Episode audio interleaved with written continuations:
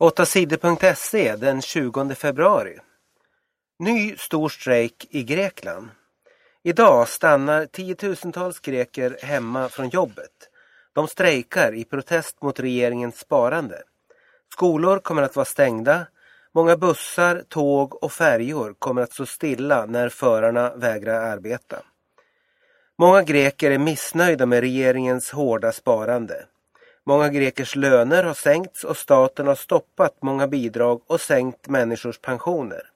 Grekerna har blivit fattigare. Grekland har stora problem med ekonomin. Landet har lånat för mycket pengar och kan inte betala tillbaka. EU har hjälpt Grekland med pengar och samtidigt tvingat landets regering att spara.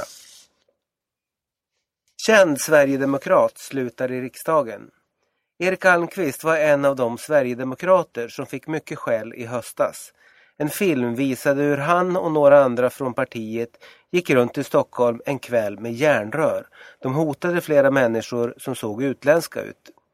Nu slutar Erik Almqvist i riksdagen. Redan före nyår lovade han att sluta, men det gjorde han inte. Han fortsatte att få lön från riksdagen. Erik Almqvist ska inte lämna politiken helt. Han ska jobba på Sverigedemokraternas mediebolag. Svensk åkare vann i skicross. Viktor Öling Norberg vann på tisdagen sin första seger i världscupen i skicross. 22-årige Viktor vann tävlingen i OS-backen i Sochi i Ryssland. Idag stämde allt för mig. Jag hade jättesnabba skidor, sa Viktor efter segern. Två i tävlingen var Christopher Del Bosco från Kanada. Andreas Schauer från Tyskland kom på tredje plats.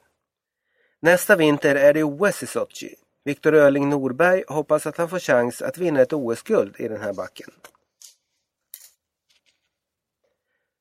Fem män åtalades för att ha sålt sprit olagligt. I somras åkte ett gäng runt i Stockholm och sålde olaglig sprit. Massor av ungdomar köpte sprit av gänget i bilen. En del av dem var bara 13 år gamla.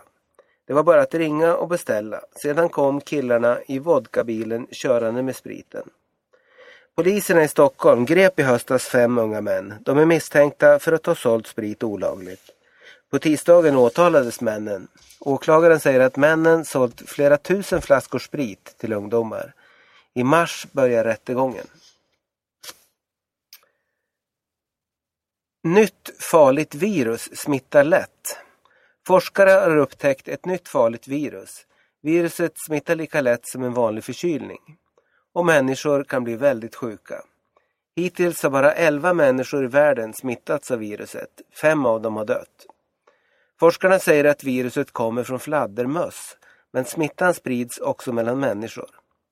Forskarna säger att det nya viruset påminner om sars-viruset som spred sig för tio år sedan. Nära 800 människor i världen dog av sars. Poliser i Pakistan grep misstänkta terrorister. I helgen sprängde terrorister en bomb i staden Quetta i Pakistan. Fler än 85 människor dödades av bomben. De som dödades var shia-muslimer. Poliserna i Pakistan har nu gripit sju personer. Poliserna tror att männen planerade bombdådet mot shia-muslimerna. Poliserna dödade också fyra misstänkta terrorister. Det har blivit stora protester i Pakistan efter bombdådet. Massor av kvinnor demonstrerar på gatorna. De kräver att våldet stoppas och att poliserna ger shia-muslimerna bättre skydd. Det har varit mycket bråk och våld mellan shia-muslimer och sunnimuslimer i Pakistan de senaste åren. I maj ska det vara val i Pakistan, men nu är det osäkert om valet kan hållas. Oron och våldet kan göra att valet kanske måste hållas senare i år. Tunisiens regeringschef slutar. Det har varit bråkigt i landet Tunisien i norra Afrika den senaste tiden. Många människor är missnöjda med landets regering. Bråken började efter ett mord för några veckor sedan. Den omtyckte politikern Chokri Belaid dödades av två män på motorcykel. Belaid var motståndare till landets regering. Många tunisier skyllde mordet på regeringen. Efter mordet har det varit stora demonstrationer och bråk. Landets premiärminister Hamadi Jebali lovade att bilda en ny regering. Det misslyckades han med. Nu slutar Jebali som chef för regeringen. Bäst. Det är bland annat Apollo, Fritidsresor och Ving. De arbetar nu för att hitta flygplan från andra flygbolag. Ving säger att alla som köpt resor ska kunna resa som planerat.